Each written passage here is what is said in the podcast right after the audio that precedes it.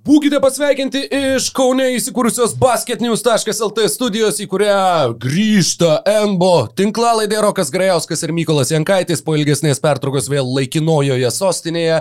Ir iš čia mes sveikiname su jumis baisiausią pasaulio istorijos dieną. 13 penktadienį 2020 metais. Ir kadangi ši diena yra tokia baisi, tai jūs šitą mūsų pokalbį išgirsite tik tai geriausiu atveju 14 lapkričio dieną, kai jau pasaulio pabaiga tikėkime bus neatėjus ir būsime išvengę to viso didelio ir milžiniško streso.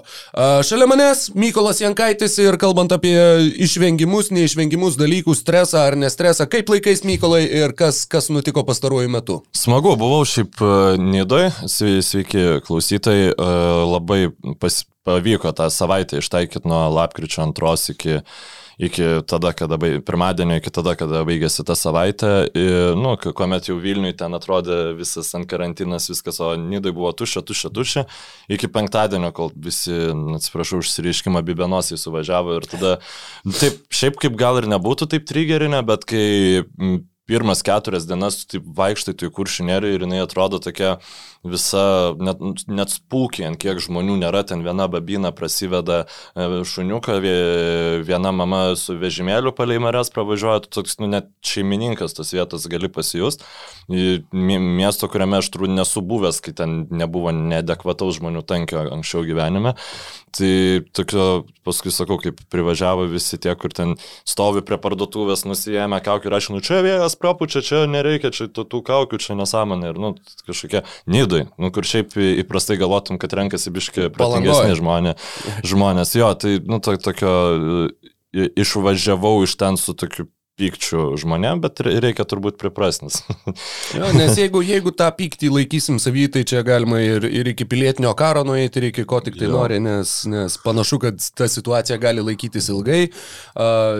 Kvailių visada buvo ir bus, visur, ne tik pas mus, bet visame pasaulyje. Mm. Ir a, reikia tiesiog kažkaip visiems manau, šiais laikais uh, tuo pačiu ir, ir būti samoningais ir atsakingais, bet tuo pačiu ir išlikti tolerantiškais, kadangi tikrai galima susigadinti ir nervus, ir sveikatą, ir ką tik nori, ir, ir uh, tiesiog apsunkinti šitą ir šiaip nemalonę situaciją savo dar labiau.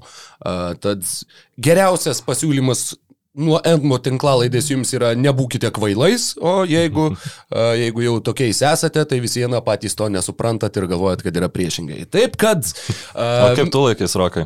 Dėkui, dėkui, laikausi visai gerai. Visada paklausti, aš kažką nuveblenu ir einam iš karto apie krepšinį. Jo, čia iš tikrųjų pirmas kartas, kai aš sulaukiau šito klausimo, net pasimečiau.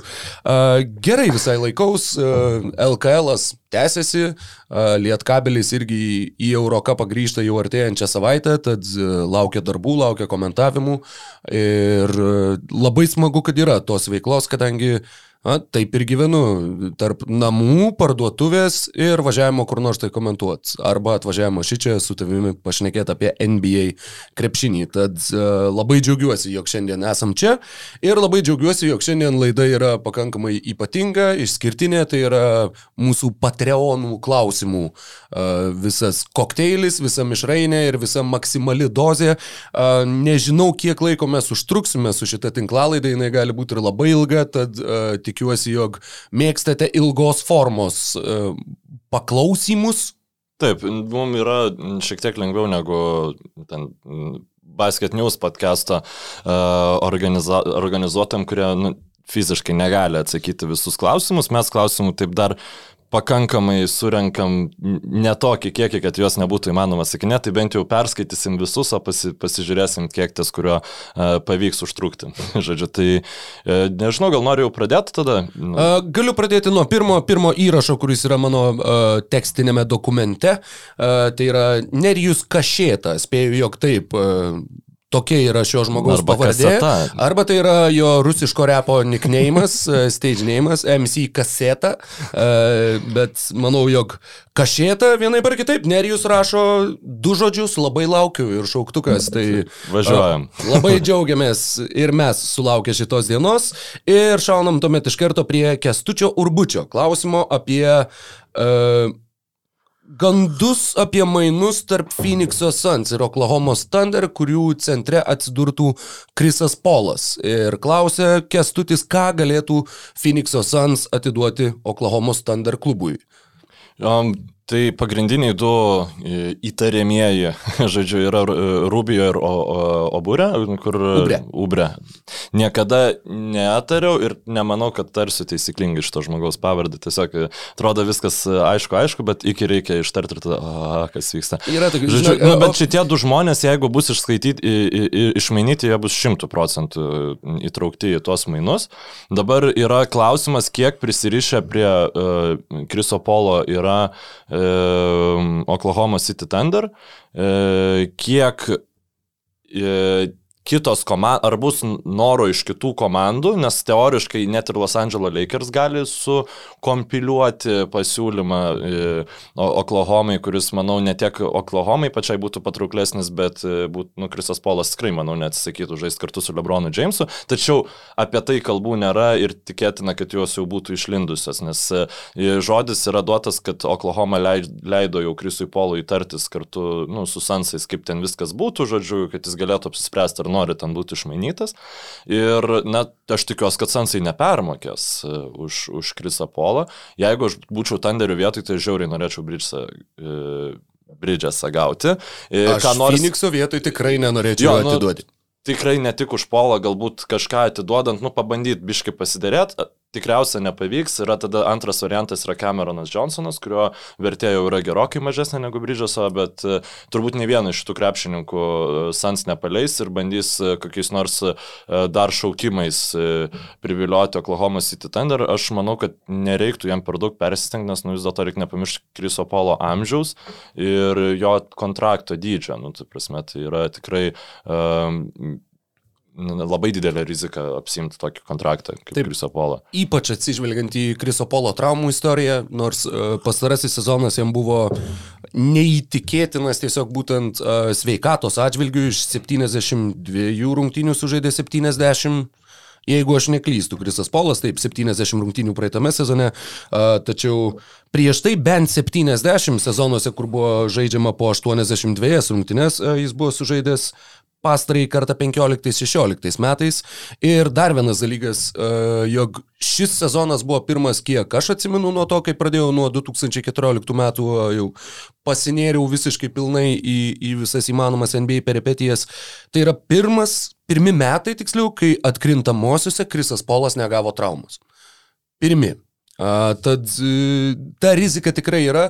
Sansų... Mm, apetitas yra labai suprantamas, jiem Krisas Polas be abejo, ypač po tos labai geros atkarpos burbulę, kurie liko vienintelė nepralaimėjusią komandą, 8-0.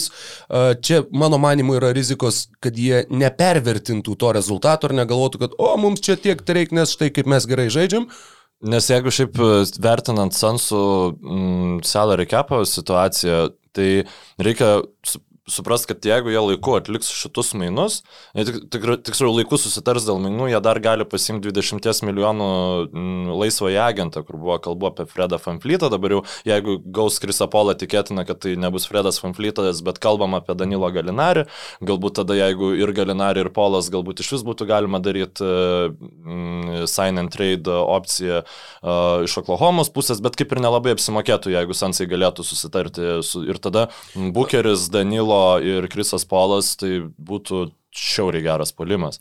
Ir Deandre Eitonas. Uh, jo, jo, jo. Taip, su Krisu Polu uh, labai labai būtų ir Eitonų į naudą tiek žaidimo atžvilgių, tiek to, kad jisai tikrai turėtų na, e elitiškiausią, turbūt įmanoma, 2 prieš 2 partnerį ir tuo pačiu dėl disciplinos, dėl to, kokią įtaką Krisas Polas turi jauniem krepšininkam ir kaip sustyguoja jaunos komandos mikroklimatą, ką ką tik tai matėme Oklahomoje, kurie užėmė netgi penktą vietą ir Sans, manau, jog su Krisu Polu taip pat taikytųsi ne tai, kad į 8-7 poziciją, bet bent jau savo vizijoje.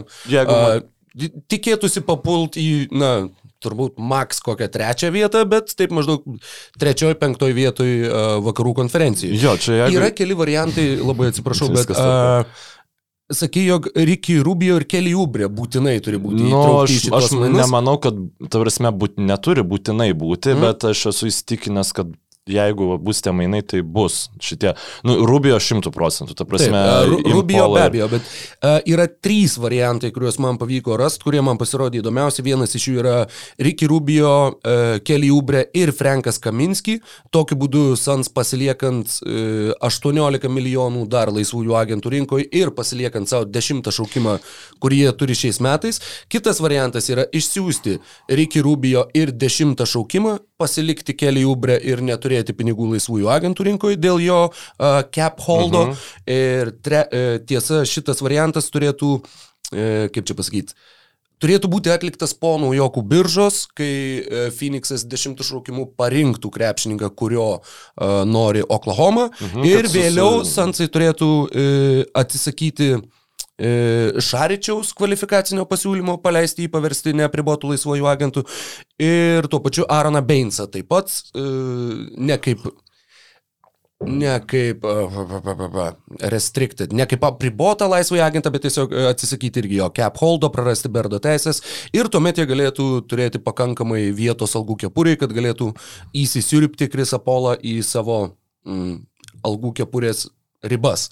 Ir paskutinis variantas yra su Ricky Rubio ir Kelly Ubre ir pasiliekant tą dešimtą šaukimą, kuris taip pat figuruoja veikiausiai šituose mainuose. Um, Aš tai manau, kad mes matysim uh, Anthony Daviso situaciją, kuomet mainai bus su, su, suderinti labai greitai. Uh, ir tada jie nebus oficialiai užpildyti, tada Phoenix'o Sansai bandys um, apsisukti laisvųjų agentų rinkoje. Čia ide, idealiu atveju, jeigu Phoenix'o Sans išnaudos visus įrankius tapti ger, geriausia įmanoma komanda ateinantį sezoną. Ir tada e, mes matysim jau tos e, mainus užpildytus, tiesiog atiduodant analogišką uh, algos kiekį, nu, ne, ne visiškai analogišką, bet tą tinkamą jau, su, kai pas sensus yra užpildyta algų kepurė. Mano spėjimas būtų toks, aš labai nenorėčiau, kad jie atiduotų dešimto, dešimtą šaukimą, nu, ta prasme, man atrodo įmanoma apseiti ir be to, bet reikia pasižiūrėti ir iš ten dar pusės, kad jie jau tų pikų šiaip turi labai daug. Mhm. Ir, ir už Russellą, ir už Džordžą gavo, ir elementariai paskui jie sudursu problema dar didesnė, kurią dabar Celtics turi, kad taip, jie tiesiog taip. katins žaidėjus vieną po kito, čia ir nuo naujo Orleano Pelicansams šviečia e, tokia, nu, problema, kad tu jau ne, nebegali kaupti anal, analogiškais metais esančių pikų, nebent tu paskui juos norėsi ten kompiliuoti ir keisti, keisti Taip, kitus. Būtinai juos turi iškeisti, kadangi Bostono Celtics, mano manimu, čia ir padarė klaidą. Danny Ainge'as tiesiog tiek taupė, taupė, taupė, kad dabar jau dabar jau nebėra kam jų panaudoti. Jie turi kilintus, man atrodo, 14, 20 gal 6 ir 30 šaukimus šiais metais, kai sudėtyje net nėra trijų vietų. Tai nebent tu uh, renkiesi kažkokį už JAV ribų žaidžiantį žaidėją, kurį tu palieki vis dar žaisti, kad ir toj pačioj Eurolygoj, keliems sezonam dar papildomai, kol tu galėsi jį pasikviesti, arba tau reikia juos tiesiog iškeisti, o kai kiti klubai žino, kad tau tiesiog reikia iškeisti, jų vertė automatiškai krenta. Uh, Phoenix'o Suns beje labai norėčiau, kad kad vėl kovotų, kad vėl būtų atkrintamosiose, ir, nes per pastaruosius keletą sezonų, kiek jie praleido uh, 10 metų, bet krintamųjų varžybų, jeigu nesumeluosiu. Ir visai neseniai, dar prieš kokius pen, penkerius metus, uh, jų pergalių pralaimėjimų procentas klubo, skaičiuojant visą istoriją, buvo ketvirtas geriausias NBA visoje lygoje po Sparsų, uh, Celtics ir Lakers. Sparsų, Lakers ir Celtics, tiksliau. O dabar uh, per tuos kelis sezonus, kadangi tikrai atsimenu, tai buvo visiškai neseniai, dar stebėjau, kad, o, kaip jie šitaip tiek daug laiminti franšizė.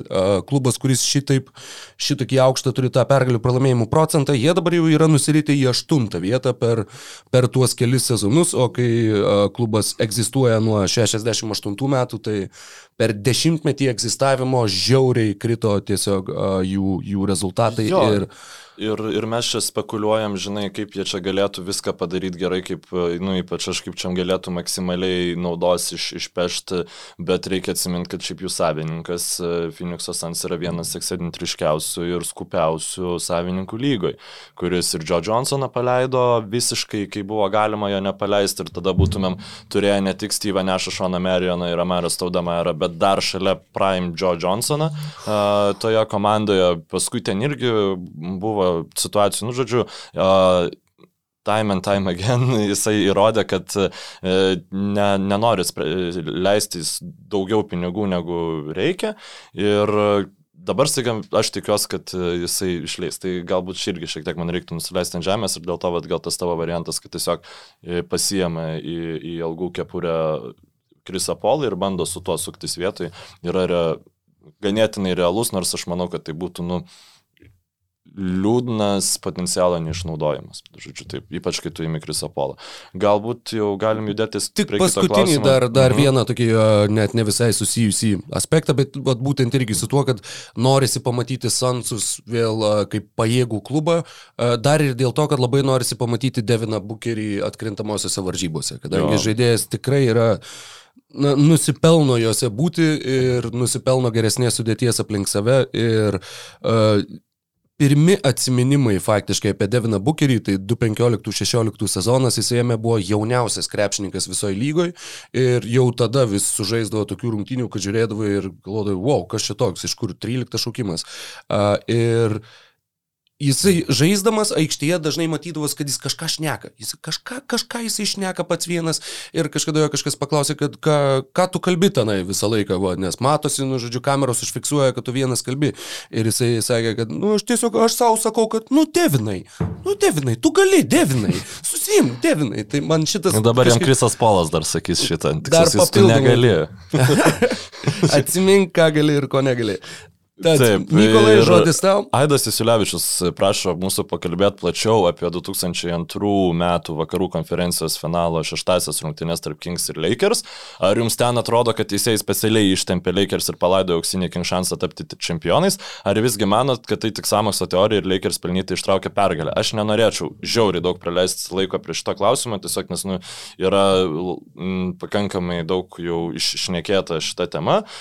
Aš negaliu įrodyti ir nebandysiu įrodyti, kad specialiai tai buvo padaryta, bet kad faktas, kad teisėjų klaidos e, kainavo e, Sacramento Kings komandai tą pergalę ir čempionų titulą yra nenuginčiamas. Tai... Dėl čempionų titulų, nu, jo, su New Jersey net buvo nu, finalas. Tikrai, jo. tikrai būtų laimėję prieš New Jersey, nes nebejoju. Aš visiškai tikiu. Aš visiškai tikiu, kad NBA lyga sąmoningai ištraukė Kobe ir Šeką, kadangi finale New Jersey prieš Sakramentą būtų buvęs visiškai nuostolingas finalas, jokių reitingų ir, ir tos šeštos rungtynės, tie visi švilpukai ten, kur uh, Kaubį užvažiuoja Maikui Bibi per veidą ir ten praskelia ir pasipila kraujas ir Bibi bauda ten sunku nežiūrėti nežiūrėt tų highlightų ir ne, ne, nejaus neteisybės. Apsėstų to raudonų žmogeliukų iš Inside Out filmukų. e, jo, ir šiemet labai visi bijojo, kad pasikar, nu, tie samoksų teorijų entuziastai bijojo, kad būtent Game 7 tarp Nuggets ir Clippers taps teisėjų šitšau tam, kad būtų pelningesnis tas vakarų konferencijos finalas. Tačiau tapo šitšau dėl, dėl, dėl visai kitų, kitų priežasčių. Tikrai. Tai. Ir tas taip, va, tiek tada ir galbūt. Viena geriausių komandų, kurios nelaimėjo titulo yra 2002 metų Sacramento Kings pirmųjų. Jo, jo, jo, labai gera komanda. Tikrai nuostabi. Važiuojam toliau. Paulius mūsų klausė, tiksliau, Paulius sako, Norėtųsi išgirsti kažką apie artėjančią naujokų biržą, jos kokią tai apžvalgą, jei yra minčių daryti kažką vėliau, gal tada nuomonę apie dalyvauti likusius ir reitinguojamus neamerikiečius.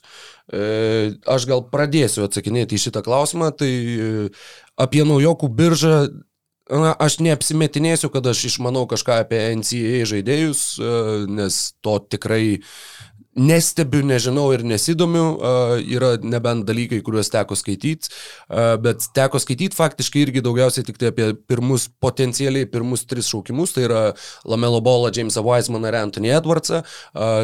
Galim visi čia...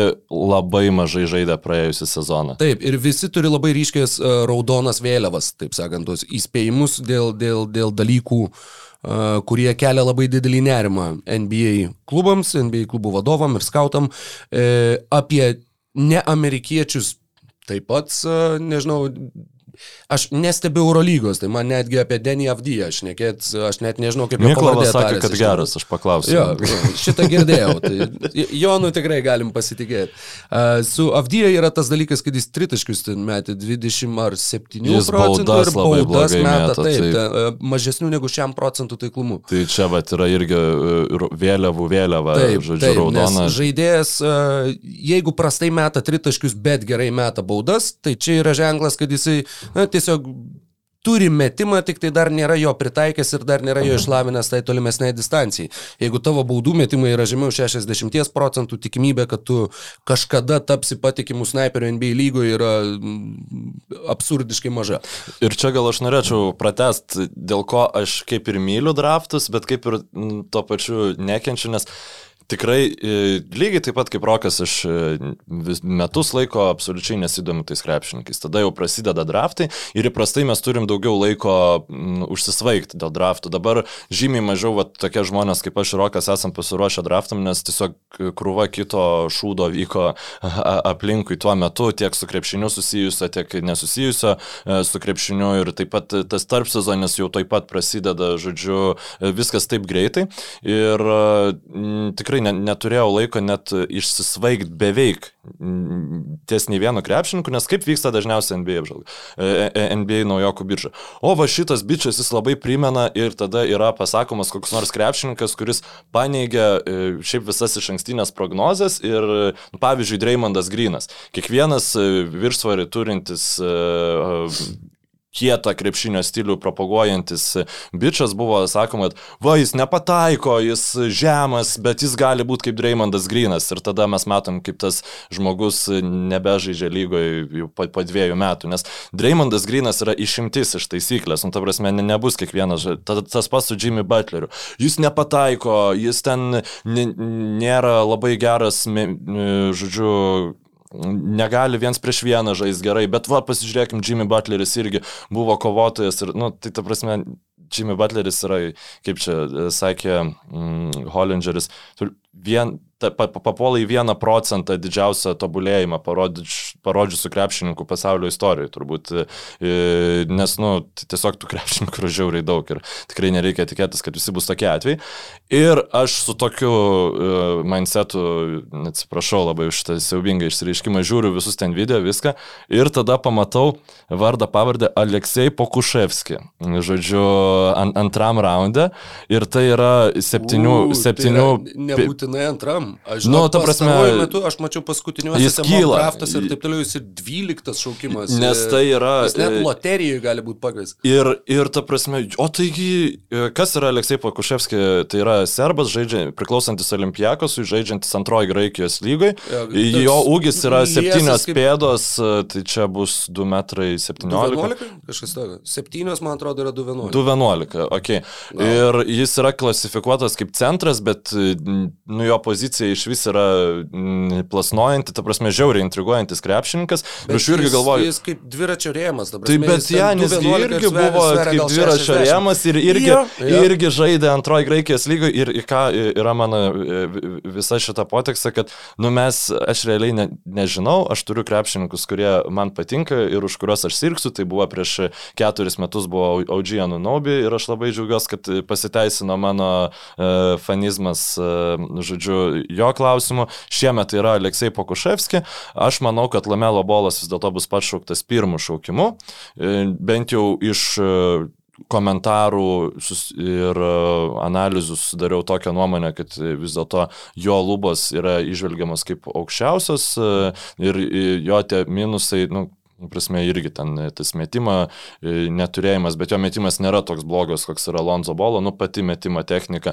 o jo aikštės matymas, perdavimai, kuriuos jis atlieka, tai yra neįlinio lygio ir plus jis yra e, e, šia, šia, šia, beveik 2 metrai 10, 2 metrai 8 berots yra jo ūgis ir jis yra nepaprastai gerai kamalį besivarantis krepšininkas. Pa, pa, galėtum paguglinti, Jo, yra pa- pa- 6-7. 6-7, 6-8, jo, nusišnekėjau, atsiprašau, 2 metrai 4, 2 metrai 3 cm pagal Wikipediją, tai vėl jaunas krepšininkas, tai jis gali būti ir biškai aukštesnis negu čia esantis tie duo- duomenys. Nu, Na, bet šiaip 7 visose, visose aprašymuose rašo. Beje, yra tie skaičiai, kur uh, kažkada irgi susimašiau, kad nu kiek. Septinti metai, va, faktiškai prasideda, kai aš juos kasdien, kasdien realiai matau.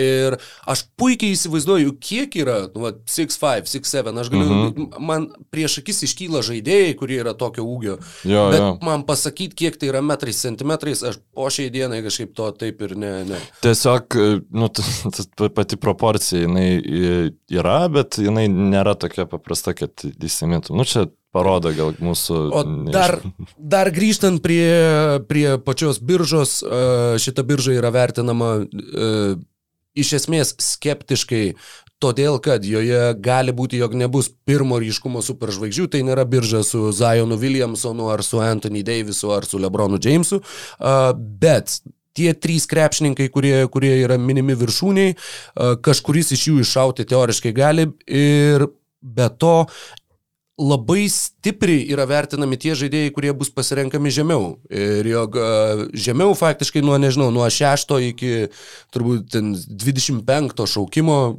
yra labai labai didelė konkurencija, yra labai stiprų žaidėjai, kurie uh, gali nebūti pirmo ryškumo žvaigždėmis, tačiau gali būti labai naudingi ir labai uh, stiprūs tie antraplaniai žaidėjai, kurie gali netgi ir dabar kai kurie iš jų stipriai padėti laiminčiom ir pergalių siekiančiom komandom. Uh, tad šituo, šituo klausimu birža turėtų būti įdomi. Uh, kalbant apie pirmus tris žaidėjus, aš nežinau, ar dabar kažkur aš dar mačiau, kad kažkas rašė apie Lamelo bolą klausimą, uh, tai gal Jo, tiesiog, tiesiog e, Balys Kesminas klausė, ar Lamelo bolas yra krepšininkas. Nu, žodžiu, o jeigu rimtai, kaip, kaip manat, kaip jam ten seksis ir, ir, ir, ir taip toliau, tai, nu, tikrai krepšininkas, ta prasme, nu, ne, nebereikalo jis yra top, top 3 biržo šaukimas, tik tai, nu, mes žinom kontekstą, su kuriuo Lamelo bolas ateina į lygą ir, nu, tiesiog apie jį to...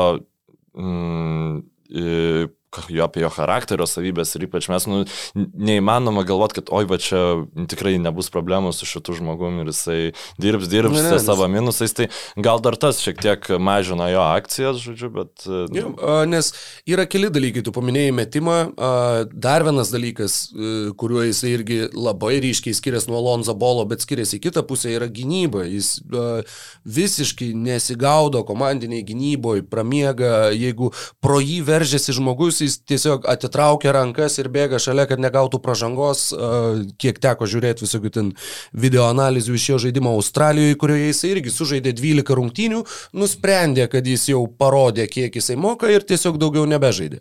Tai, žinai, jeigu tu kalbė apie pirmą šaukimą ir kalbė apie charakterio savybės, tu tikėsi, kad tai bus krepšininkas, kuris, na, jeigu ten komanda ir nesisekė, bet va, žaidžiau vis vieną, čia norėjau padėti, prisidėti, čia kažkaip prie pergalių, dėl komandos draugų, dėl viską.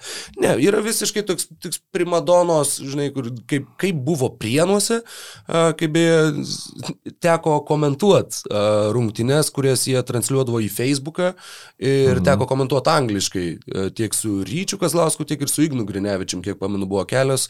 Ir kad buvo kažkurios rungtynės, kurių tiesiog nu, buvo įsėdę tie bolai, kadangi iš pradžių, kai jie atvažiavo, tai nu, visiems visiem buvo toks kaip ir bairis, kas čia bus. Ir kad po kiek laiko po dar kiek laiko jau galiausiai buvo toks, kur ir kažkuriuose rungtynėse tenai, neatsimenu su kuo jie žaidė, kas tenai tiksliai vyko, bet, nu, kuris irgi visiškai, nu, tu matai iš kūno kalbos, iš kad jis čia, kaip jam čia neįdomu. Nu, tai yra šešėlikinis paauglys. Nu, tipo, nu, tai, man, tai... ne, man susidaryti nuomonę apie žmogų iš to, kai mes įmatėm sorry, bet tėvo atgrūstai random prienus žaisti krepšinio, kai jam yra 16 metų, tu prasme, iš, iš, iš Kalifornijos. Nu, e, man atrodo, tai per didelį įtaką daro mūsų šito žmogaus percepcijai ir ypač kalbant apie jo krepšinio sugebėjimus. Nu, nes tiesiog jeigu viso to nebūtų buvę, jeigu jis, arba jeigu jis būtų e, nu, tiesiog ten žaidęs, kuris jis žaidė ir panašiai, ir nebūtų buvęs tampytas savo tėvo, tai, nu, ką, ką žinau, galbūt, galbūt mes visiškai kitaip apie jį galvotum. Ir 16 metų paauglys daro šūdus. Nu, ta prasme, tai yra visiškai įprasta. Iš vienos pusės jo, bet irgi ir komentuoja netgi tas rungtynės, nu, kur ten kažkaip, ir sakau, ir ten angliškai išneki kažką, kad, nu vis tiek, čia žinai, čia reikia, tokiuose situacijose reikia mokytis profesionalumo, tokiuose situacijose turi auginti savo charakterį. Labai lengva yra tau žaisti ir žibėti, kai viskas sekas gerai, bet kai tu susiduri su sunkumais, tu turi kažkaip su tais sunkumais tvarkytis, o ne nuleisti rankas ir ten visai kaip aikštingai demonstruoti savo nepasitenkinimą. Ir, žodžiu, mane ten... Tai buvo paskutinis kartas, kai aš komentavau brolius bolus kadangi man ten, tada pradėjo nešti lapukus visokius, kad stop trashing lamelo ir taip toliau, kur, okei, okay, gerai, okei. Okay. Tai visai, visai ne, ne, neliūdėjau mm. a, po tos akimirkos ir tuo pačiu, nusakau, šitas va pavyzdys, kur tu sužaidai 12 rungtynių sezone ir tada nei trauma, nei kas, nieko. Tu tiesiog sugalvoji, kad ai, man daugiau žaisti nebereikia. Na tai sakau, tai parodo, kad, kad gal netgi tas krepšinis nėra jam, gal jis tiek tiesiog nesimėgauja žaisdamas tą krepšinį, kad jam tai yra labiau, labiau darbas ir, na, nežinau. Nu, žmogui, kuris, kuriam tai yra darbas, nu, jis e, pakankamai jis smagiai improvizuoja, nes nu, na, jo atliekami perdavimai ir panašiai, na, tai yra e, visiškai, atrodo, kad krepšinis išteka jo gyslomis ir įeina į tą perdavimą. Turi, prasme, turi genijaus. Nėra, nėra visiškai. daug tokių e, krepšininkų apskritai lygoje, kur nu, tai, ką vien per tą highlight reel gali pamatyti, nu, tokie, nu, žiūrėkit kitus žaidėjus, nu, nieko panašaus nepamatysi. Bet matai, tu ir... žiūri highlight reel.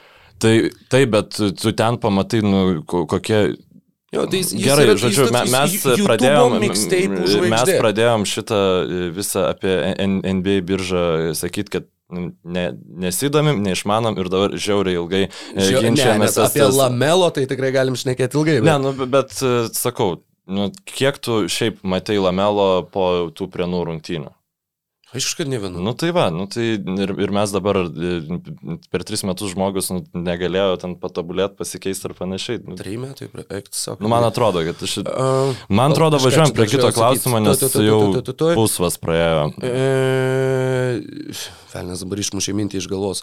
A, vienas dalykas, kurio labai labai tikiuosi, tai kad Minnesotos Timberwolves jo nepasims. Nes labai, labai nenorėčiau. Jo, aš, nu, aš vis tiek, man sakau, man, man visokie nabagai patinka, žinai, man reikia palaikyti tuos, kurie beviltiški. Tai, nu, čia būtų pats, negaliu sakyti, kad pats beviltiškiausias sprendimas, kadangi uh, čia irgi atsiranda klausimas, ką tu turėtum rinktis nuojokų biržoje, ar tu turi rinktis pagal uh, sudėties poreikius, ar pagal, pagal tai, kuris krepšininkas yra geriausias, uh, kai ateina tavo eilė rinktis. Ir tos lubos tikrai yra labai aukštos. Plus yra uh, įvardinama kaip tai yra vienintelis įgūdis, kurį kas nors šitoje biržoje turi elitiniam, Va, elitiniam ačiū, lygmenyje. Ačiū už, už šitą frazę. Ja, kažkaip, nes jau ir prieš tai buvai paminėjęs ir, ir norėjau pasakyti, bet Ak, žinai, šokinėja tos mintys, čia atsiminimai apie prienus. A, tai va, labai trumpai apie kitus. Jamesas Weismanas yra super atletiškas centras, kuris irgi sužaidė trejas NCAA rungtynės šiame sezone ir daugiau nebežaidė už Memphis universitetą. E, o Anthony Edwardsas yra a, toks Aržiai Baretas. Atakuojančio gynėjo pozicijoje jis yra toks uh, smulkesnis, tačiau iš esmės Zajono Williamsono tipažo žaidėjas. Nu, tuo, kad jis yra fizinė jėga. Jis, yra, jo, tu, tu jo, tarsi, jisai jau dabar atėjęs į NBA lygą apstumdytų atakuojančių gynėjų didelę dalį. Uh, tad tai yra jo didelis privalumas, bet taip pat metimas yra minusas ir šie trys krepšininkai yra, yra laikomi talentingiausiais. Ir plus sakau, ta labai keista situacija, kur netgi niekas nežino, kas ką iš tikrųjų rinksis ir kas ką darys. Ir mainų, kad norėtų lygti ir Timberwolves iškeis, norėtų lygti ir Warriors iškeis. Ir kad ten visi tie uh, vadinami smoke screenai, dūmų uždangos, kur ten jie sako, kad jau ims šitą, dabar jau čia tikrai yra, kad tikrai juos domina šitas, dabar jau Warriors nori Okongų, dabar Warriors tikrai nori Wiseman. Ir tokių, na, labai keistų, visokių įmatrių dalykų. Tavarsime, šita birža yra turbūt labiausiai neprognozuojama, kokia yra buvusi nu, per, per, per pastarosius keletą metų. E, tą trade exception ir turi antrą raundą šaukimą ir nuvelnės, jeigu e, Lamelo yra nepašaukiamas pirmo šaukimu, nu, tikrai, aš manau, kad bent viena komanda lygoj būtų, kuri galvotų, nu, reiks, nu, ta prasme, kad tai yra tikrai intriguojantis krepšininkas. Bent be, reikia vienos komandos. Ta prasme, reikia vienos komandos, kad tu galėtum labai gerai prasisukti su tuo. A, bet, šaukimu. žinai, ta, ta komanda turi turėti kažką, kas būtų naudinga Warriors. Taip gali ją facilitėtint, tarpininkauti. Taip, taip. E... Beje, apie tas komandas šnekant, kurios stebi situaciją ir ar, ar jeigu nu, nukris Lamelo uh, iš pirmo trejeto, pavyzdžiui, arba tiesiog bandys uh, gauti jį, mm, gauti šaukimą, kuriuo galėtų uh mhm. -huh. jį pasirinkti pakildami aukščiau, uh, tai Chicago's Bulls ir Detroito Pistons yra kaip minimos kaip tos dvi komandos, kurios neva daugiausiai uh, dėmesio tam tam skiria. Detroitui tai labai smagiai. Ja, aš irgi, va būtent, Detroitas turbūt kažkaip... būtų ta komanda, kur, kur jį labiausiai norėčiau pamatyti. Vienintelis pavojus yra tas, kad jeigu jisai gautų labai didelę laisvę uh, ir jam būtų leidžiama daryti, ką nori, kaip tai atsilieptų jo tobulėjimui ir ar jo nereikėtų įspausti į kažkokius tvirtesnius rėmus. Bet, bet ties čia gal ir baigime, nes čia galima amžinai pratesti šitą klausimą. Um... Tema, kur, apie kurią prieš pradėdami kalbėti sakėm, kad nieko nežinom. Taip, e, tada šiek tiek vat, trumpesnis klausimas. E, Aidas e, Jasulevičius klausė, kokios NBA komandos buvo jūsų mėgstamiausios, kai tik pradėjote žiūrėti lygų, dėl kokių priežasčių jos buvo mėgstamiausios ir ar iki šių dienų jos išlaikė didžiausias simpatijas jūsų širdyje. Tai aš mm, turiu labai aiškę e, savo NBA fanizmo e, pradžią, tai yra Detroito Pistons 3-4 metų, dėl ko aš pradėjau jas palaikyti, nes buvo NBA Action laida, man atrodo, Tomo Langvinio įgarsinta, aš gulėjau ant sofos ir žiūrėjau, o čia jie visai kieti, nes tai netokie, jau tą jų bad boys e, bandė vėl brandą atsikurti, nes vis, visą laiką Pistons nuo, nuo pat 90 metų tik biškai geresnė komanda ir bando tą atkurti bad boys bandą, brandą. bad boys Boys Band. Ir, nu taip, aišku, Benas Wallace'as su savo plaukais, ant, ant, ant labai kietas krepšininkas atrodė. Jo. Ir tada, nu, aš aišku, pažiūrėjau tą NBA action ir e, jau ne, ne, kaip normaliai pridara vaikui, devinių metų, nežiūrėjau aš to krepšinio iki, e, e, iki pat NBA finalų ir tu žiūrėjau, tie pistonai išėjo prieš Lakersus ir ten mano tėtis, oi, nu čia jau O'Neillas, Bryantas, Peytonas, Malonas, tai čia, nu, čia viskas aišku ir, nu, tai pažiūrim, tėti pirmas rungtynės rungtynės ir tada jie laimi, ir tada jie laimėjo pirmą seriją. Ir taip, tada aš buvau Pistonsų fanas ir tada galiausiai aš supratau, kad jau kaip iški užaugau, kad NBA komandos kažkaip ne taip kaip futbolo klubai, aš jas labiau palaikau taip pagal tą identitetą, pagal tą komandos kartą, galbūt netgi taip reiktų pasakyti, nes paskui tas komandos veidas nu, visiškai net pažįstamai gali pasikeisti ir tiesiog tada matai, kad kita komanda pradeda žaisti krepšinių, kuris tau labiau patinka, dėl kažkokių e, jo. dalykų simpatizuoja ir aš, pavyzdžiui, Charlotte's Bobcats palaikiau tada kažkurį, kažkuriuo metu man labai Geraldas Wallace'as, Corey Magetį, nu, man labai patiko, Emeka Okoforas irgi žoskai krūtas, nu, e, žodžiu, e, labai, vat, tokios smagios komandos buvo. Jo, nes manau, kad e, jeigu sirgai už tą 2-4 pistons, tai tai nereiškia, kad vėliau sirgai, sirgai už tą, pavyzdžiui, versiją, kuri turėjo starto penketę Andrė Dramondą, Gregą Monroe ir Joshas Smithą. Na, nu, aš atsimenu, kai NBA World puslapį atsidarau ir pistons pasirašė didelį kontraktą su Charlie Villanueva ir aš toks, nu, gal čia kaip nors, žinai, gal čia kažkas su juo. Ir Benas, ir Benas Gordonas. Jo, nu, prasme... Abie 2-4 finale, jeigu aš teisingai pamenu, pirmas jie gavo ir jie tada visas ketveris likusias laimėjo. Jo, gali, ne, jie pirmas laimėjo, antras, antras gavo ir A, tada gavo. tris laimėjo. Nu, ne taip ir svarbu, bet uh, man iš tikrųjų pakankamai netgi sudėtinga atsakyti šitą klausimą, kadangi kai pradėjai žiūrėti NBA, na, pirmos tos rungtynės, kurias, kurias žiūrėjau, pirmos serijos tai būdavo Chicago's Bulls prieš Jutas Jazz. Uh, ir toj serijoje, žinoma, palaikiau Bulls, ar palaikau Bulls iki šių dienų, dabar šiuo metu, kai tenai atėjo Artūras Karnišovas, jo, vėl palaikau ir labai noriu, kad jiems sektųsi kuo geriau. Uh, sakau, Minnesotos Timberwolves buvo labiau nuo lipdukų albumų ir nuo, nuo to, kad labai gražus logotipas. O ir šiaip uh, labai daug ir iš tikrųjų labai daug valandų netgi praleidau nuo, nežinau, nuo gal kokio 96 metų NBA Live prieš tai dar būdavo NBA Jam, prieš tai dar buvo dar senesnis buvo Lakers versus Celtics, kur buvo gal 88 metų. Ne, ten sudėtis. buvo, ten, pats pirmas tai buvo Bird versus Magic. Ne, ne, aš turėjau, aš turėjau ant segos, kur buvo 5 prieš 5, galėdavai okay. žaisti net su tokiais atseit pakartojimais per ilgąją pertrauką ir muziką netgi atsimnu ryškiai, bet uh, tai sakau, man tas žiūrėti NBA man netgi daugiau ir daug daugiau laiko, kadangi nebūdavo kaip jo žiūrėti, buvo tiesiog NBA live, skirtingos komandos, bandai su juom žaisti, bandai žaisti sezonus, bandai ten simuliuoti irgi ir panašiai, ir panašiai, ir panašiai. Tai, uh, tai, tai tais laikais tai buvo Portlando Trail Blazers dėl Arvido Sabonio. Uh, jo. Tai va, tai žodžiu, bet visiškai pritariu tau, kad, kad e, futbole jo, futbole turiu savo klubą ir tai niekada nesikeitė ir nesikeis e, nuo tada, kai tai atsirado. Nu, pas mane dėja irgi tas ta patys. Tai va, tai va, būtų mes irgi, eh, ne, ne patys laimingiausi žmonės pasaulyje, bet, bet jo, krepšinėje visiškai pritariu. NBA būtent, jo, man irgi komandos keičiasi ir keičiasi, ką, ką palaikai su laiku. Dainius Stankus. Klausia. Donatas Motijūnas. Prieš traumą buvo tikrai talentingas žaidėjas, aikštės matymas, žaidimas nugarą, atkovoti kamuoliai, taip pat ir neblogas pataikymas iš toliau ir arčiau. Šiai dienai man panašiausias į iš lietuvių yra Domantas Sabonis, kuris talentingesnis ir turėjęs geresnę karjerą. Mykolai. Sabonis kablelis OFC pas mane yra pasirašyta prie, prie šito e, klausimo. Kitas, Kitas klausimas. klausimas. um, Taip, tie šeši mėnesiai Matejūno buvo labai... Kapitonas labai Kablys, o, nieko nepamiršau. Dar aš nuo tų laikų esu Clutch City Twitter'e palaikinęs, nes pamenu, po kiekvienų rungtynių e, atsidarydavau Twitterio akantą ir žiūrėdavau, ką, nu, ką Houstono fanai apie Matejūną rašo ir panašiai. Atsimenu, kai jis pataikė 2-3 taškius iš eilės kažkuriuose rungtynėse, kurias žiūrėjau ir kai iš pradžių uh, komentatoriai šioje, kad Dimo ir pataiko pirmą šioje for 3 ir kai pataikė Trimo. Yeah, Dimo for 3 mo. Vil, Vilius, Vilius Andriulionis pas, klausė, pastaruoju metu nemažai kalbam apie galimus Drew Holiday mainus.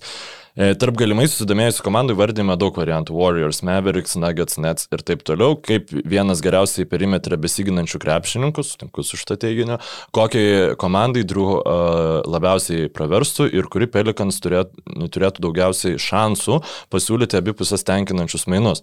Jo, šiaip labai sudėtingi yra ir Holiday mainai, nes pavyzdžiui, Mavericks dabar, kai paskelbta, kad uh, salary capas ateinantį sezoną auks mažiau negu buvo planuota, vietą, tai jiems dabar jau pasimti holiday ir paskui dar turėti e, su juo suderinti kontraktą ir paskui dar turėti uh, laisvos vietos Janiui, nu, kas yra pagrindinis Meveriksų tikslas, jau tampa beveik nebeįmanoma, kiek aš supratau.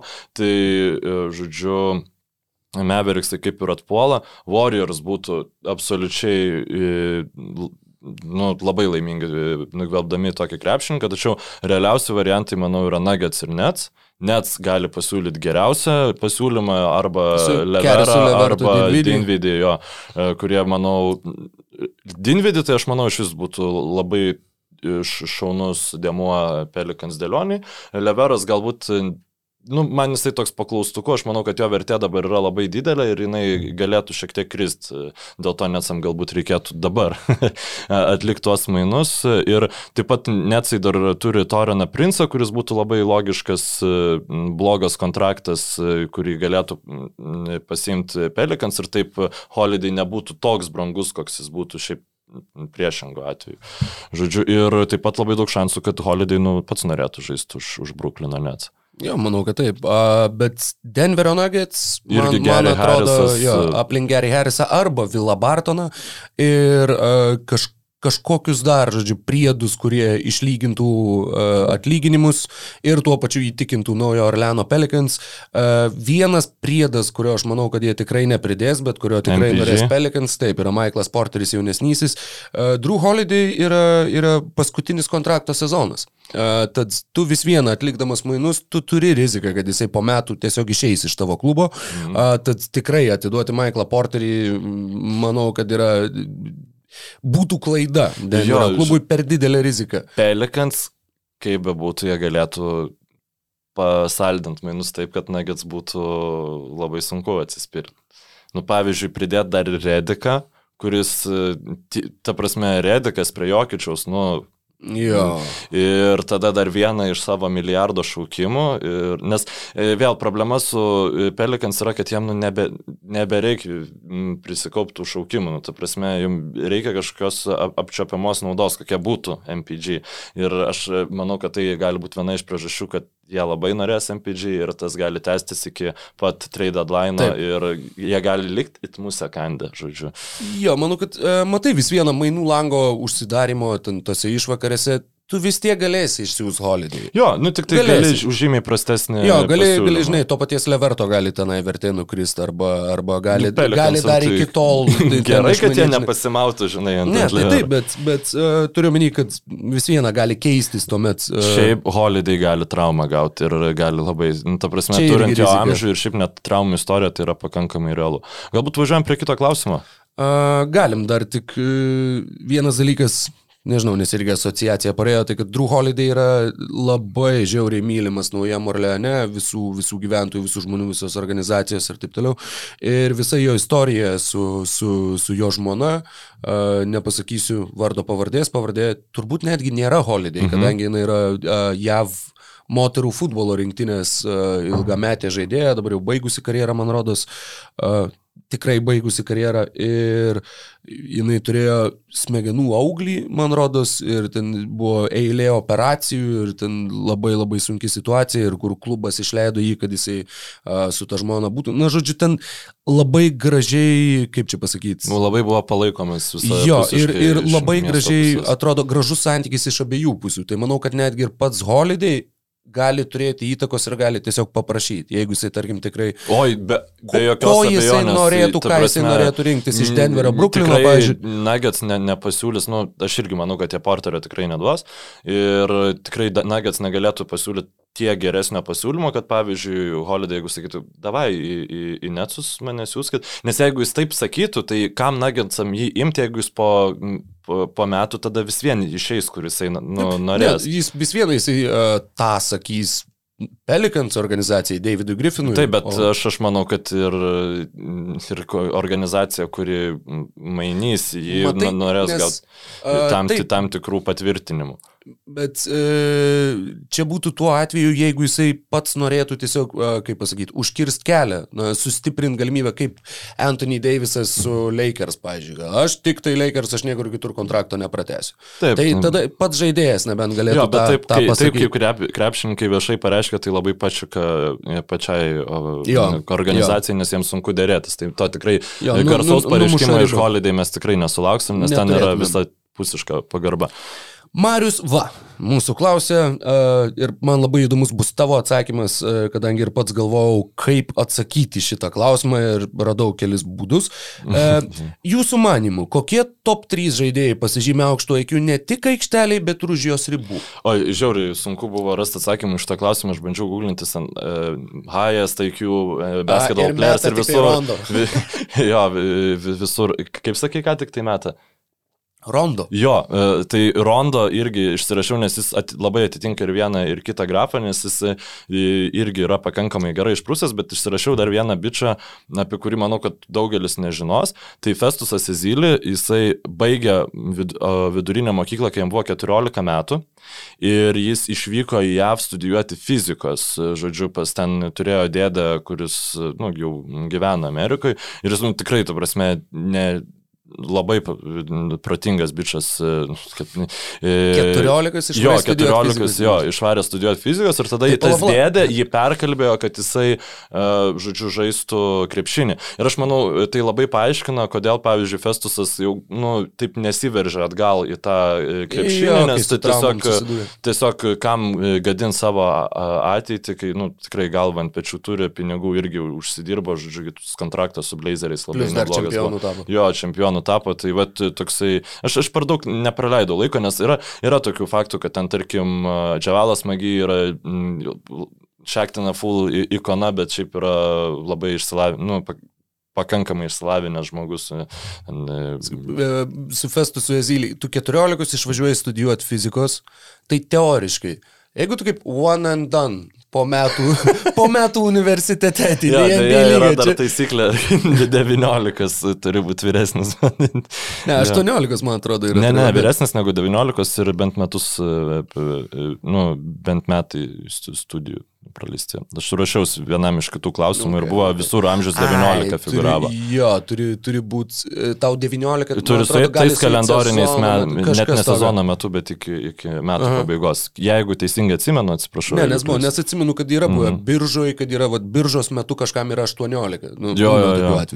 E, Taip, kitas klausimas. E, o Ai, atsiprašau. Aš norėčiau irgi pateikti dar savo versiją, Aš galvoju, kad tu irgi festas turėjai E, įrodymą. Žinoma, ir, ir Rondo. Ne.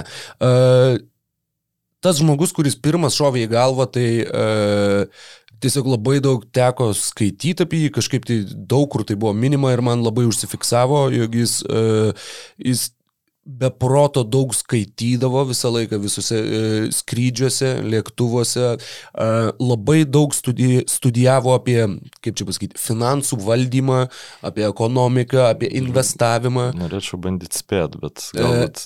Tuoj pat galėsi ir tuo pačiu e, labai savo žiniomis dalindavosi su, su ypač jaunais krepšininkais, visais stengdavosi jiem, jiem pasakyti, kaip ką daryti, ko nedaryti, ką apsimoka pirkti, jeigu tu nori nusipirkti kažką prabangaus, ką tau reikia pirkti, ko vertė gali iš arba nukrist mažiausiai. Na, žodžiu, visokius tokius, tokius dalykus ir, e, ir sakai, Nor- nori Norėjau spėti. sakyti Šeinas Betier, bet ne, ne jis E, tikriausiai. Ne, tai nėra Šeinas Betier, tai yra e, Davidas Westas. Davidas Westas buvo e, beprotiškai tiesiog, na, iš to, ką apie jį pasakojo jo komandos draugai, buvo, tai buvo, na, tiesiog stulbinančiai uh, apsišvietęs žaidėjas. Uh, dar du krepšininkai, kadangi top 3 reikėjo išrašyti, tai uh, yra krepšininkas, kurį prie jo skautingo aprašymo, netgi turbūt dar dabar gali rasti, nes lieka tie seni aprašymai, buvo kaip, kaip, uh, kaip kritika, buvo rašyta, kad he's too smart. Nes jis uh, Berklio universitete uh, studijavo, studijavo tik tai metus, kaip įprasta šiais laikais, bet Berklio universitetas Kalifornijoje uh, laisvai pasirenkamų dalykų. Pirmam kursui jisai buvo pasiėmęs magnetinę chemiją, jisai buvo universiteto šachmatų komandos vienas iš lyderių, būdamas pirmą kursių uh, ir tas žmogus buvo Jailenas Braunas kurį Celticsai e, galiausiai pasėmė trečių šaukimų ir netgi biržos metu, atsimenu, kad apie jį išnekė ir sakė, kad koks, koks paradoksas, kad, kad jo, nežinau, net nesilpnybė, bet kažkokia kliūtimi, Bet- žinai, čia yra šiaip įvardinama labai aukštas nu, intelektas. Krepšinė to, kaip čia pasakyti, naglumo, ku- kur reikia kartais, kad tu teisiausias, kad tu, žinai, ve- ve- verti per gal, verties per galvą ir panašiai, nu, žmonės ten, kurie apsiskaita ar pa- panašiai, Kad ne, nesvarstytum per daug. Mažiau, jo, nu, mažiau to turi. E, Mes pamiršom, aišku, labai akivaizdu, tai Jeremy Lino, kuris... Aš, aš buvau jį užsirašęs, jis buvo Ne- ne- trečias mano žaidėjas. Mykolai. Taip, nes jis a, baigęs Harvardą. A, vienintelis. Baigęs. Taip, baigęs būtent. Harvardą ir vienintelis visų laikų NBA krepšininkas iš Harvardo. Ne Taip. Tik vienintelis uh, Azija amerikietis, uh, Asian American, uh, bet tuo pačiu ir taip, vienintelis Harvardo studentas NBA lygoj ir uh, yra top 25 universitetai. Nesiskaito Asian American. Uh, jisai tiesiog Asian. Jis ne American, jis iš Japonijos atvažiavęs, koks jis American. Jo tėvas iš Benino, jo mama Japonė. Aš galvoju, kad jis kažkaip turi santykių su Amerika daug. Ne, ne, jis, jis, ties, Okei, jis tiesiai iš Japonijos ir atskrido. A, ir, ir, ir, ir uh, yra tie top 25 universitetai pagal reitingą JAV, į kuriuos yra sunkiausia įstoti. Uh, vienas iš tų universitetų yra Duke'as uh, ir iš Duke'o žinom, kad labai daug žaidėjų yra NBA lygoje, tačiau retas, kuris baigia Duke mhm. universitetą prieš ateidamas į NBA lygą, tai iš jų galima išskirti istoriją baigusi ir istorijos bakalaurą turintį J.J. Redick.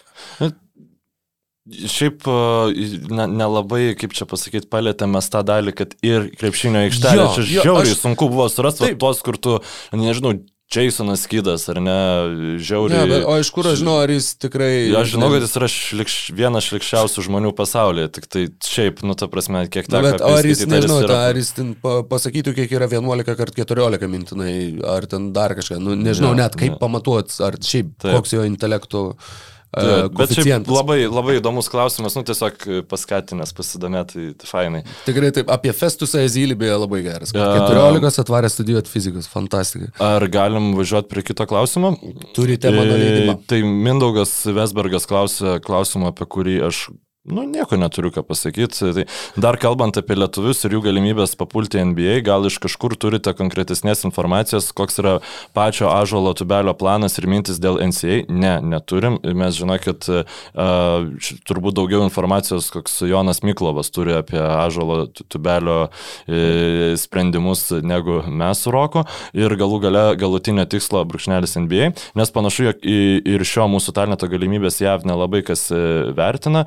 Nes įvairiose NBA 2022 e, ir 2021 metų mock draftuose jo pavardės nerasi. Aš tiesiog noriu pasakyti, kad manau visiškai normalu, kad tos pavardės kol kas nėra, nes jis nu, labai dar ne, nesiafišavo kol kas, nelabai kaip ten jį buvo ir, ir pastebėti, turint omeny dar plus, kad, kad karantinas NK, pernai metais. NKL. Nu, taip, bet dabar jis nuvarė į universitetą ir aš manau, kad bent jau mock draftuose jo pavardė atsiras, jeigu bus pakankamai noro rodoma šitų klausimų. Tiesa, nežinau statuso jo universiteto, į kurį jisai perėjo, kad galėčiau vertinti, nu, kaip ten, vat, būna krepšininkams ten nuėjusiems. Manau, bent jau. Arizonos universiteto yra uh, NBA, Jamesas Hardinas, man rodos, irgi. Tuo prasme, nebus čia gušio variantas, kad e, labai žvėriškai niekam neįdomiam univerė žaidžia. Ne, ne, yra e, aukštos e, konferencijos ten ir, ir NBA talentų iššūkdės. Aš manau, kad jeigu jisai norės, jį pašauks. Ar jisai norės, tai aš jau šitą... šitą nu, aš, nežinau. aš manau, kad jis nori jau dabar. Čia, žinai, čia nėra viskas taip labai paprasta, bet jeigu pavyks rodyti kažkokius gerus rezultatus. Ir pašauks, tai turiu omeny, kad gali ir 60 šaukimų pašaukti, ne tai, kad taip, taip, taip. garantuotas loterijos turi pasirinkimas. Uh, kalbant apie ažuolą tubelį, uh, yra The Stepian, aš tiesą pasakius net nežinau kaip ištarti, Stepian, Stepian. Vadinamasis uh, Step. Yeah. Vadinamasis Step Ianas, čia yra šitas puslapis, uh, V t-h-e-s-t-e-p-i-e-n.com. Jeigu norit paskaitinėti apie, apie būsimus naujokus ir netgi vėlesnių biržų būsimus naujokus, tai yra vienas išsamiausių, išsamiausiai analizuojančių žaidėjus ir ten tikrai norit do, turi norėti domėtis, kad, kad tau tikrai būtų įdomu, nes kitaip atrodys, kad čia visko per daug ir tiesiog kam čia gilintis. Bet uh, jie turi, jie turi apie ažuolą tubelį, uh, paleidę straipsnį prieš keturis mėnesius. Uh, nepilnus turbūt, nes man atrodo, jog tai buvo jau po vasaros lygos ar vasaros lygos metu, kuri vyko kėdainiuose, tad džiaugiausi radęs, kad yra gavęs tarptautinio dėmesio Ažolas Tubelis. Ir kalbant apie tą vasaros lygą ir Ažolą Tubelį, niekam nesvarbi ir niekam neįdomi istorija, bet man, aš šito kadro niekada nepamiršiu, kadangi ten praleisdavom ten per dieną toje arenoje nu, masę valandų ir ketverias rungtynės per dieną ir dažniausiai dažniausiai tarp rungtynių, kadangi nėra ką veikti, nu, tai pasiemi kamalį ir eini pamėtyti. Ir a, ten per tas kiek dešimt dienų jau buvo toks, kur jau net buvau taip visai, žinai, jau prasimėtęs, jau taip gerai jaučiausi. Kėdainių arenos lankai jau buvo normaliai, žinai, ten kur daugiausiai gal kokius šešis tritaškius iš eilės pavyko pataikyti, kas, nu, man yra fucking epic. Tai man taip nebūna, žinai. Nu, nebūna. Uh, ir žodžiu, kažkada, va, taip pamėgdžius, a, jo, jau galvoju, nu jau reikia kažkaip tai ir taip, nu, taip einu ir aikštės vidurys ir galvoju, ah, nu gerai, nu ir vieną tokį iš vidurio.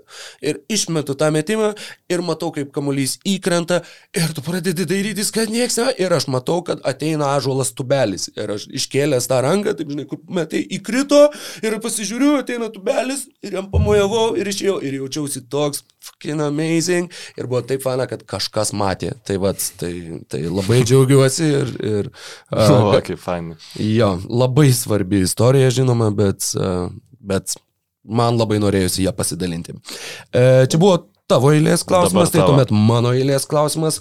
Mūsų klausia Andrėjus. Uh, sveiki. Ar dabartinė Rockets sugebėtų laimėti Eurolygą žaidžiant Europinėje aikštelėje pagal FIBA taisyklės? Taip. Taip. Ta... Tik, ta prasme, jeigu, jeigu dabar jam būtų vienas mačas ten laimėti Eurolygą, nu, ta prasme, iškart įmesti, ne, ne, nepasiruošę europiniam turnyrui, tai gal tada ir ne, bet jeigu jie turėtų normaliai pilną sezoną, tai tikrai laimėtų. E, bet matai, o kaip, pavyzdžiui, dėl, dėl vidurio polėjų neturėjimo? Ta prasme, jų e, PJ Tuckeris ir Covingtonas yra super atletiški ir jie gali susitelkti. Tysonas Chandleris yra, kuris nors gerai yra nudulkėjęs, bet jisai nu, tikrai galėtų pastovėti prieš daugumą Eurolygos vidurio polėjų. Bet Plus, Hardenui kas antrojo atakai būtų žingsniai Europoje. Nu, ta prasme, Hardenas yra žiauriai aukšto krepšinio intelekto krepšininkas ir manyt, kad jisai tokio talento e, žaidėjas nesugebėtų per sezoną prisitaikyti prie e, Eurolygos taisyklių, nu, yra tiesiog naivu. Ir tai yra e, tas e, e, europietiškas elitizmas, kuri, kuris lietuviams yra labai būdingas ir mėgsta galvoti, kad va čia jau čia e, pastatytume aikštės gynybą ir, ir nieko nepadarytų. Ir tada reikia žaisti prieš Amerikos rinktinę nu, normalios kondicijos ir, ir irgi nieko nepadaro. Nu, tai, žodžiu, e, tikrai laimėtų, nu, Hardenas yra žiauriai stiprus, nu, nėra kas Eurolygai galėtų užginti Hardeną vienas prieš vieną. Nu, tiesiog tai yra neįtikėtina. Nelabai yra. Ta prasme, tai yra neįtikėtina, jūs pasižiūrėkit, ką Šeinas Larkinas išdarinėja Eurolygai. Ta prasme, tada tas pats Russellas Westbrookas, nu, taip, taip jo atletiškumas NBA dabar jau ne, nebėra toks nenugalimas, tačiau tai yra visai nepaprastai atletiškas krepšingas. Taip, aš žinau, kad ten dabar yra problemų, nu, bet jeigu kalbam apie praėjusius, nu, praėjusius sezoną, plus, nu, vėl ta komanda galėtų šiek tiek pasikeisti pagal, pagal kaž, kažkokius poreikius. Tai, nu, labai nevertėtų nuvertinti nu, komandos, kuri pralaimėjo, uh, galutiniams NBA čempionams e, atkrintamųjų serijai. Nes ar Portlando Trail Blazers nelaimėtų Eurolygos? Aišku, kad laimėtų. Nu, nu, aš aš ne, nežinau, ne, nenorėčiau labai leistis į diskusijas šitų klausimų, mano pozicija aš, yra labai. Aš tiesiog aišku. bandžiau sugalvoti dar kokiu nors kontrargumentų ir, ir uh, pabandyti tau paprieštarauti, bet, bet irgi nesugalvoju. Man tiesiog, aš, aš tiesą pasakius, nu, jo, laimėtų, aš irgi statyčiau, kad laimėtų, be abejo. Uh, bet, sakau, man tiesiog, kadangi visiškai nežiūrėjau Eurolygos rungtynių, tai ir čia turbūt reikėtų net ne mūsų klausti, o kažkokas labiau domisi abiem lygom ir galbūt nu, ten... Taip, čia... Kur galėtų sakyti, kad ten, nežinau, bet ten kokia nors ten uh, Fenerbahčia, tai ten turi tą ir tą ir kaip ten galėtų statyti, nes visiškai nežinau šitų dalykų, todėl, todėl pasitikiu tavo nuomonę. Na, aš tiesiog ir... manau, kad vienas vieną geriausių e, po polim, krepšininkų polime NBA turinti komanda neturėtų turėti... Vieną geriausių istorijoje. Bet. Jo, neturėtų turėti didelių, plus turinčią, e, suformavusią labai solidžią gynybą, e, neturėtų turėti didelių problemų įveikti Eurolygos komandų. Nu, ta prasme, kur Taip, aš irgi esu kaltas tuo, kad negalėčiau konkrečiai įvardinti kiekvieno Eurolygos krepšininko, kuris neapsigintų prieš Jamesą Hardeną, bet manau, kad tokių yra didžioji dauguma. Žodžiu, tai galbūt tada galim judėti prie kito klausimo, ar dar nori papildyti kažko. Tikrai ne. Nors, žinai ką, uh, nu, su, su, sujunkim tai su, su kitu klausimu, uh mhm. -huh. kuris yra tiesiai iš karto po to mano sąrašiukė, kadangi jis yra uh mhm. -huh. kaip ir susijęs su šituo. Uh, Mantas Radžiūnas rašo, pagaliau, trys šauktukai, super duetas, ačiū Jums už tai. Ačiū, ačiū Mantai. Tau, Mantai. O dabar prie reikalo du šauktukai. Vis dažniau kalbam apie small ballą, nebereikalingus tikruosius NBA centrus ir krepšinį be pozicijų. Kaip pavyzdį imam Houstono Rockets. Ar tikrai 95 metų Klaido Drexlerio ir Hakimo Ladživono į NBA čempionų žiedus vedama su tipiniu NBA centru ir lengvu kraštu, ko turbūt NBA nebelikė, neįveiktų šių metų Houstono. Jūsų abiejų nuomonė būtų labai smagu išgirsti pirmą, kas laimėtų iki keturių pergalių seriją, turiuomenį Houston 95 ar Houston 220 ir antra, kaip tuo metinė 95 Houston ekipa atrodytų reguliariame 2021 metų sezone. Pats asmeniškai labai pasilgstų seno gero kažio, rašo Mantas Radžiūnas. Ar gerai, aš labai įdomu, kuriais metais ta serija būtų žaidžiama. Nes jeigu pagal šių metų taisyklės, tai aš manau, kad būtų, na, sunkoka prisitaikyti Houstono Rockets, bet vėl mes kalbam, jeigu, jeigu jie turėtų laiko adaptuotis ir tokio talento žmogus, koks buvo Hakimas Oladžiuonas, aš manau, kad yra vienas iš nedaugelio centrų, kuriam moderniam krepšinėje jis dar geriau jaustųsi negu jautėsi 90-aisiais, nes jo, ta prasme, jis tikrai mėtytų tritaškius, tikrai, tikrai mėtytų tritaškius, jeigu jis nuo, nuo pat jaunystės būtų tobulėjęs dabartiniam krepšinėje. jo gynybiniai sugebėjimai centrų, e, gerai besiginančių centrų, o Hakimas yra, nu, turbūt vienas geriausiai besiginančių centrų lygos istorijai, e, svarba niekur nedingo. Ir mes jau kalbėjom e, kažkurioje tinklalaidai, kad, nu, komandos, kurios neturi geros gynybos po krepšius, nu, niekaip kol kas nesugeba laimėti NBA čempionų žiedų. Neįsivaizduoju, kas laimėtų seriją, nes tikrai, nu, labai daug kintamųjų galėtų būti, kurie tiesiog apie kuriuos net nepagalvočiau, bet norėtų sakyti, kad šiaip 95 Rocketsai, nu, kad su Hakimu nesusitvarkytų niekas. Jo, a, visiškai to pritariu ir būtent, kad Hakimas yra iš visų tų dominuojančių, ar tiksliau dominavusių va, tos eros centrų, būtent Hakimas būtų š, e, tiek šiais laikais, tiek ir būtent šitai Rockets komandai pagal jos komplektaciją su tuo žemu penketu, būtent Hakimas būtų pats didžiausias peilis. Nes jis ir mobilus, ir, ga, ir gali keistis gynyboje. Ir, ir taip, ir aikštę mato, ir davrasme gali žaisti ir nugarą į krepšį. Ir, nu, kas jį sustabdytų, bandant įžaisti vieną prieš ne, vieną? Ne, nu, tai be abejonės būtų dvigubinama tri, nu, gynyba prieš jį ir tada reikėtų pataikyti vienam iš laisvų uh, Rockets krepšininkų. Kur... Uh, Kenny Smithas, Vernas ne, tai, jo, jo, jo, ypač kai iškeitais metais, kai iškeitė Torpą į, į Drexlerį, tada tas aikštas praplėtimas, jo, tada tas aikštas praplėtimas pas juos dar nu, didesnis tapo. Klausimas tada, taip, Hakimas gint, po krepšių yra puikus, bet nu, prieš Rocketsus jį kaip ir reikėtų, aigi yra Russellas Westbrookas, tai jo, gynybai problemų nebūtų, nes prieš Westbrooką tiesiog nereikia gintis ties tritašką liniją ir nu, tu jį gali ginti kaip centrą. Tai... Ja, plus, beje, iš šitos pusės tai šitos komandos kaip ir panašios. Ir ten, ir ten būtų po vieną nemetantį ir keturis metančių starto. Aš penketą. manau, kad Hakimas moderniam krepšinį pataikytų į geresnių procentų iš toli, negu dabar pataiko Raselas. Irgi tai tada o mes tada visas komandas, ta prasme, visą komandą žiūrėjome ir Drexleris kaip žaistų būtent šiais laikais, o ne kaip anais laikais. Nu, čia jau labai... Nu, aš tai visada bandau taip, taip manyti, kad nu, nesąmonė yra lyginti komandas ir galvot, kad jos žaistų vakume ir nebandytų prisitaikyti prie Dėl to aš ir klausiu, kuriais laikais mes žaidžiam. Nu, Taip, a, bet plus, e, kalbėdamas apie Hakimą, sakai, kad nu, vat, jeigu jisai nuo, jau, nuo ten paauglystės būtų mėtęs tuos tritaškius, tai čia irgi čia nėra, kad prisitaikyti komandai mes tarsi mm. perkeliam, juk visa ta komanda gimė kiek čia dabar išeina, 25 metais vėliau ir tiesiog mm. visi tie, tie patys krepšininkai užaugo šitoje nu, čia yra iš dalies dėl ko aš va tų erų lyginimų nelabai jo, mėgstu, jo. nes yra, e, yra smagu taip šiaip pagalvoti, ar ne, e, bet e, gerai, sakykime, Hakimas nepat, nemeta iš toli ir nepataiko, bet nu jeigu jis pataikė, gerai iš vidutinio pataikė. Tai kiek dabar mes turim centrų lygių, kurie gerai pataiko iš vidutinio, bet nemeta, nemeta iš toli. Nu, Tokių nebėra. Nebėra, nu tai reiškia ir Hakimas mėtytų. E, Bemas Adebajo? Jo, kol kas, bet jau, nu, Manau, kad jo, kitais metais jau ir jis mėtys. Duokit Hakimui du sezonus ir jisai mėtys tritaškius, žodžiu, galima išsiderėjo. Duokit Hakimui, ką nors.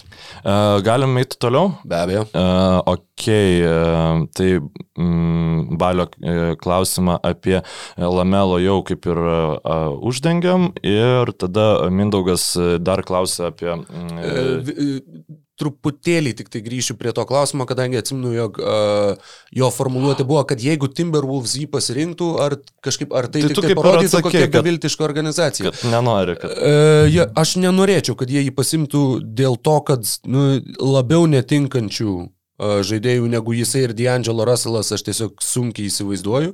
Nei Edwardsas, nei, nei, nei, nei, Weismanas, nei Bolas visiškai netinka dabartiniai poziciškai kaip ir labiausiai tiktų Edvardsas, bet, bet, bet vienas dalykas, Russellas kad uh, D'Angelo Russellas, Lamelo Bolas ir Karl Anthony Townsas, tavo didysis trejetas, čia yra, tu praleisi po 160 per rungtynės. Tavarsime, čia yra, nu visiškai, jeigu įdėsi kitus du, ten Joshua Okogi ir Jaretą Kalverį, kurie gerai ginas, praleisi po 160 per rungtynės. Ja, tada jau geriau vietoj tų dviejų metikus. Uh, bet, bet jį pasimdami, jeigu jie jį pasimtų, momentų tai nebūtų beviltiškas uh, sprendimas ar pasirinkimas, kadangi jeigu jie tikrai yra įsitikinę, kad šitas žaidėjas yra talentingiausias, jeigu jie tikrai jį atskleis, jog jo vertė bus didžiausia, kad ir praėjus pusiai sezono, ar praėjus sezono, ar praėjus dviem. Uh, tokiu atveju, žinoma, tu, tu turėtum rinktis uh, geriausią įmanomą krepšininką ir tiesiog turėti uh, didžiausios vertės uh, žetoną, kokį tu mhm. gali išsitraukti šitoj. šitoj Aš galiu biržai. tai pasakyti, beviltiškiausias organizacijos požymis būtų, kad tu neimtum krepšininko, kurį tu laikai talentingiausių biržoje dėl to, kad tu turi D'Angelo Russellą. Jo. Čia būtų blogiausia ką jie mato talentingiausių krepšininkų, tą jie turim. Tie nėra toj vietoj, kuriem reikėtų libdyti e, komandą dabar laimėti, nes jie nelaimės dabar. Deja, deja, deja. Mindaugas Vesbergas apie Jokubaičio potencialą klausia ir galbūt net galimybę praverti NBA duris, čia nes, mm, tačiau NBA lyga ganėtinai skeptiškai vertina lietuvio galimybės, tai prieš metus iš Eurolygoje žaidžiančių žaidėjų akivaizdus lyderis buvo Ma Maledonas, tai jį dabar aplenkė Kilian Hayes, e, kurio akcijos apskritai kyla kosminiu greičiu, gerokai e, geriau už lietuvį vertinamas ir Barsos talentas Bol, Bolama, Bolmaro, atsiprašau. Leandro Bolmaro. E, kodėl taip yra, kuo šie žaidėjai yra gerokai pranašesni nei Jokubaitis, galbūt mūsų rinka per mažai ir NBA skautai uh, nemato mūsų talentų, tai aš manau, kad uh, tas klausimas Mindaugo yra labai teisingai suformuoluotas ir taip, aš manau, kad po šio sezono Jokubaičio akcijos labai kils. Jeigu jisai žais kaip žaidė, tai prasme jis tada taps matomu ir tai yra gynėjas, kuris žaidžia aukš, aukštam, labai aukštam lygiai ir aš tikrai manau, kad jis iki pirmo uh, raundo pakils. Ar jis pakils jau iki loterijos šaukimo, aš manau, kad tai yra įmanoma, jeigu tiesiog jisai žalgirėje žais, žalgiris žais neblogai ir jisai gaus ten tų minučių tiek, kiek gavo dabar. Jo, įmanoma, bet labai sunku, kadangi uh, 21 metų birža lyginant su šita yra Dėl to Warriors, pavyzdžiui, Taip, Warriors mieliau atiduotų šių metų antrą šaukimą negu kitų metų Minnesotos šaukimą, kurį jie turi, kadangi tiesiog ta birža yra vertinama daug. Ir Minnesota gali geriau labolą dabar pasimti, kas labai padėtų akcijom. Jo, iš karto Warriors šaukimo vertė išauktų dar labiau. Uh, dėl to, kad mūsų rinka mažesnė, Rokas Jokubaitis žaidžia Eurolygoje. Tai jis tai... dabar žaidžia, bet mock draftai nėra sudarinėjami pagal nu, šitą Eurolygos sezoną sezoną, nu praeitam sezonui Jokubaitis žaidė labai nedaug Eurolygoje. Taip. O dabar jisai žaidžia daug Eurolygoje. Ir jis nu, matai, o, didesnis... o ar e, tas pats Kilianas Eisas, nežaidžia Kilianas Eisas. Bet matai, tiesiog yra, yra lygos, pavyzdžiui, kurios yra žymiai detaliau skautinamas. Tai yra Prancūzijos lyga, tai yra Ispanijos lyga, kurios turi žymiai, ta prasme, didesnį pastebimumą. Ir ten jauni krepšininkai yra kur kas labiau analizuojami, nes jie yra, žaidžia tiesiog daugiau aukštesnio lygio krepšinio e, negu krepšininkai, kurie sėdi žalgeriai ant suolo ir kartais o, tai. išeina. E, dėl to man pavyzdžiui, nu, Avdyje, kuris bus pašauktas aukštų šaukimų tikriausiai šį sezoną, jisai Izraelio lygoje nu, neturėjo. Tai prasme, to, tos rungtynės Izraelio lygoje jam labai daug kredito nepridėjo. Tos rungtynės Euro lygoje, kurias jis žaidė, pridėjo. Tai manau tiesiog, kad labai protingas Jokubaičio sprendimas buvo neįčiais metais į biržą, nes tikrai nemanau, kad jį pašauks žemiau negu paš, būtų būtų pašaukęs šiemet. Jo, dėl šito visiškai, visiškai pritariu. Dar kalbant apie tai, kad vienas iš dalykų, va irgi sakai, kad tos matomesnės lygos, Arnas Velička persikėlė į Prancūzijos lygą ir irgi kaip vieną to priežasčių įvardino tai, kad ten žaidži prieš daug atletiškesnius krepšininkus. Ten yra daug amerikiečių ir, ir sakė, jog ten jiem nuo pirmos dienos jautėsi, kiek yra sunkiau, kiek jie visi yra staigesni. Uh, ir, dėl, sakau, galbūt atletiškumu tos lygos yra daug arčiau NBA negu kad ta pati Lietuvos krepšinio lyga. Tad iš tos pusės galbūt irgi skautam fizinius dalykus, kurie yra labai svarbus vienai par kitaip. Patogiau gal yra stebėti, patogiau vertinti uh, tose tavo įvardintose lygose ir uh, kad buvo tenai kažkas apie silpnybę, ar kad kas neleidžia, ar panašiai, kad na, Jokubaitis nėra tas, e, jo sudė, sudėjimas nėra svajonių įžaidėjo NBA lygui. Jis nėra, nežinau, ypatingai ilgų rankų arba uh, ypatingai greitas, ypatingai fiziškai stiprus. Tad uh, atletiškumas visada per amžius liks klausimų bet kuriam europiečiui einančiam į NBA. Ta pati dabar turim su to pačiu Denį Avdiją, kur taip ir taip, bet čia dėl atletiškumo. Man atrodo, kad Avdijos, žinok, metimas yra kaip didesnis ja, red flagas negu... Didesnis, taip, taip, bet, bet negu... vis viena tai yra klaustukas ir tai per amžių amžius ir ne tik, kad žmogus einantis iš Europos, bet, nu, būkim bėdni, bet teisingi, baltas žaidėjas iš Europos visada turės kvestionuojama atletiškumą tol, kol neatvyks į NBA lygą. Visada tai buvo ir visada tai bus. Tai faktas. Aš ne, ne, neįsivaizduoju, kas turėtų atsitikti, kiek Dončičių turėtų būti NBA lygoje, kad pagaliau nustotų šitas stereotipas būtų klyjuojamas. Būtų bet, smagu, jeigu būtų lygai būtų šeši Dončičiai. Oi, fainas krepšinas nu. būtų. Ir e, prie to klausimo dar galim iš karto pridėti, lygiai mano sąraše ir buvo net, net uh, išpučiau akis, kai pradėjai skaityti savo į Arūnas ST. Klausė uh, šventasis Arūnas. Uh, Rokas Jokubaitis kitų metų naujokų biržoje skliausteliuose best case scenario. Tai aš manau, Mykolai. kad jis best case scenario būtų, nu, jeigu jis būtų loterijai pa pašauktas. Tai čia būtų, bet čia yra, nu, 3 procentai kokie, ta prasme, bet aš aš matau, kaip tai gali būti, nes gerai, jeigu jis žais toliau kaip žaidė ir žalgeris, nu, ne, tie pavojaus signalai bus nepasiteisins ar ne, kuriuos mes matom, pavyzdžiui, vakar, e, tai aš manau, kad nu, Jokubaitis gali labai patraukti daug dėmesio, nes tiesiog nu, gynėjai šiaip yra paklausus. Nu, aukštam lygiui žaidžiantis gynėjai yra labai paklausus, bet jeigu taip labiau realistiškas best case scenario, tai pirmo raundo 20. Jo, jo, e, čia yra tas, sakykime, uh, realus tikslas, galbūt taip būtų galima sakyti, kad tas mm, sakykime, į ką turėtų taikytis galbūt pats Rokas Jakubaitis. E, na, žinoma, taikytis visada, visada reikia aukščiau, kad e, pasiektum aukščiausiai, kiek gali ir na, kelti savo kuo aukštesnius tikslus. Bet jo, tai yra tikėtinas geriausias scenarius yra taip, yra pirmas ratas, tai jau būtų nuostabus pasiekimas. Ir visiškai tau pritariu dėl tų 3 procentų, kad uh, yra tikimybė labai labai nedidelė, bet čia jau būtų, čia būtų fantastika. Uh, jeigu jam pavyktų pakliūti aš būtent į... Pasakiau į ir supratau, kad nu, jo, čia, reikia prisiminti krepšininkus, kurie buvo pašaukti loterijoje, tai buvo Sabonis ir tai buvo Valančiūnas, kurie buvo hypinami, ta prasme, ir, ir pasaulio medijoje, ir Lietuvoje, nu, ne vienus keturis metus prieš naujokų biržą, tai gal, galbūt aš šiek tiek per, per ambicingai dirbau. Galbūt labai stebuklingai, kadangi tas pats Kilianas Heisas, kurį paminėjo, nu, va, tas, ne, jok, jok, neatsimenu vardo. E, min, Mindaugas. A, kurį paminėjo Mindaugas. A, taip, irgi fantastiškai iškilo, kur netgi Kevinas O'Connoras iš The Ringer puslapio uh, jį vardina į savo, ne mock draft, ne mhm. prognozijai, bet savo, savo... big board, uh, kuris įvertino. Jo, jo. Jisai jį rašo pirmu. Jo manimu, čia yra uh, talentingiausias.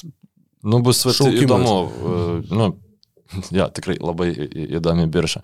Laukia. Būtent, nenuspėjama, kaip, kaip Gerai, mes jau valandą 20 minučių, galbūt jau truputį reikia pradėti greičiau važiuoti per klausimus, nors gal ir ne, kas čia žino. Eik tu savo, gal pers... galim kokias 3 valandas, gal, e, gal pasidarom Padarom Važiuojam. šitoje vietoje pertrauką ir padarom dvi dalis? E, nežinau, žinok, man atrodo, kad galim gal tiesiog šiek tiek paspartinti tempą ir, ir, ir, ir praeiti per, per, per likusius klausimus. Kad tų klausimų man čia liko dar trys puslapiai, žinok. E, nu, okei, okay, tada darom pertrauką ir... Gerai, tai tuomet mes... Uh, ne, aš, aš kol kas nežinau, kaip tai atrodys, bet turbūt bus du atskiri video failai, aš taip spėčiau. Uh, tad uh, čia ekrane pasirodys tekstinė informacija kada ir kaip ir kur galite arba galėsite pamatyti antrąją dalį. Ačiū labai, mm. kad klausėtės. Na, Ačiū Jums už klausimus. Mūsų dar, ne, nu, ar jiem nereikia studijos šiaip. Ne, ne, sakė, sakė, kad galim būti kiek norim. Tai, okay. tai mums, mums tai pertrauka ir uh, nikotino bado numarinimas ir, uh, sakau, gali būti, kad netgi prasidės antra dalis iš karto va čia.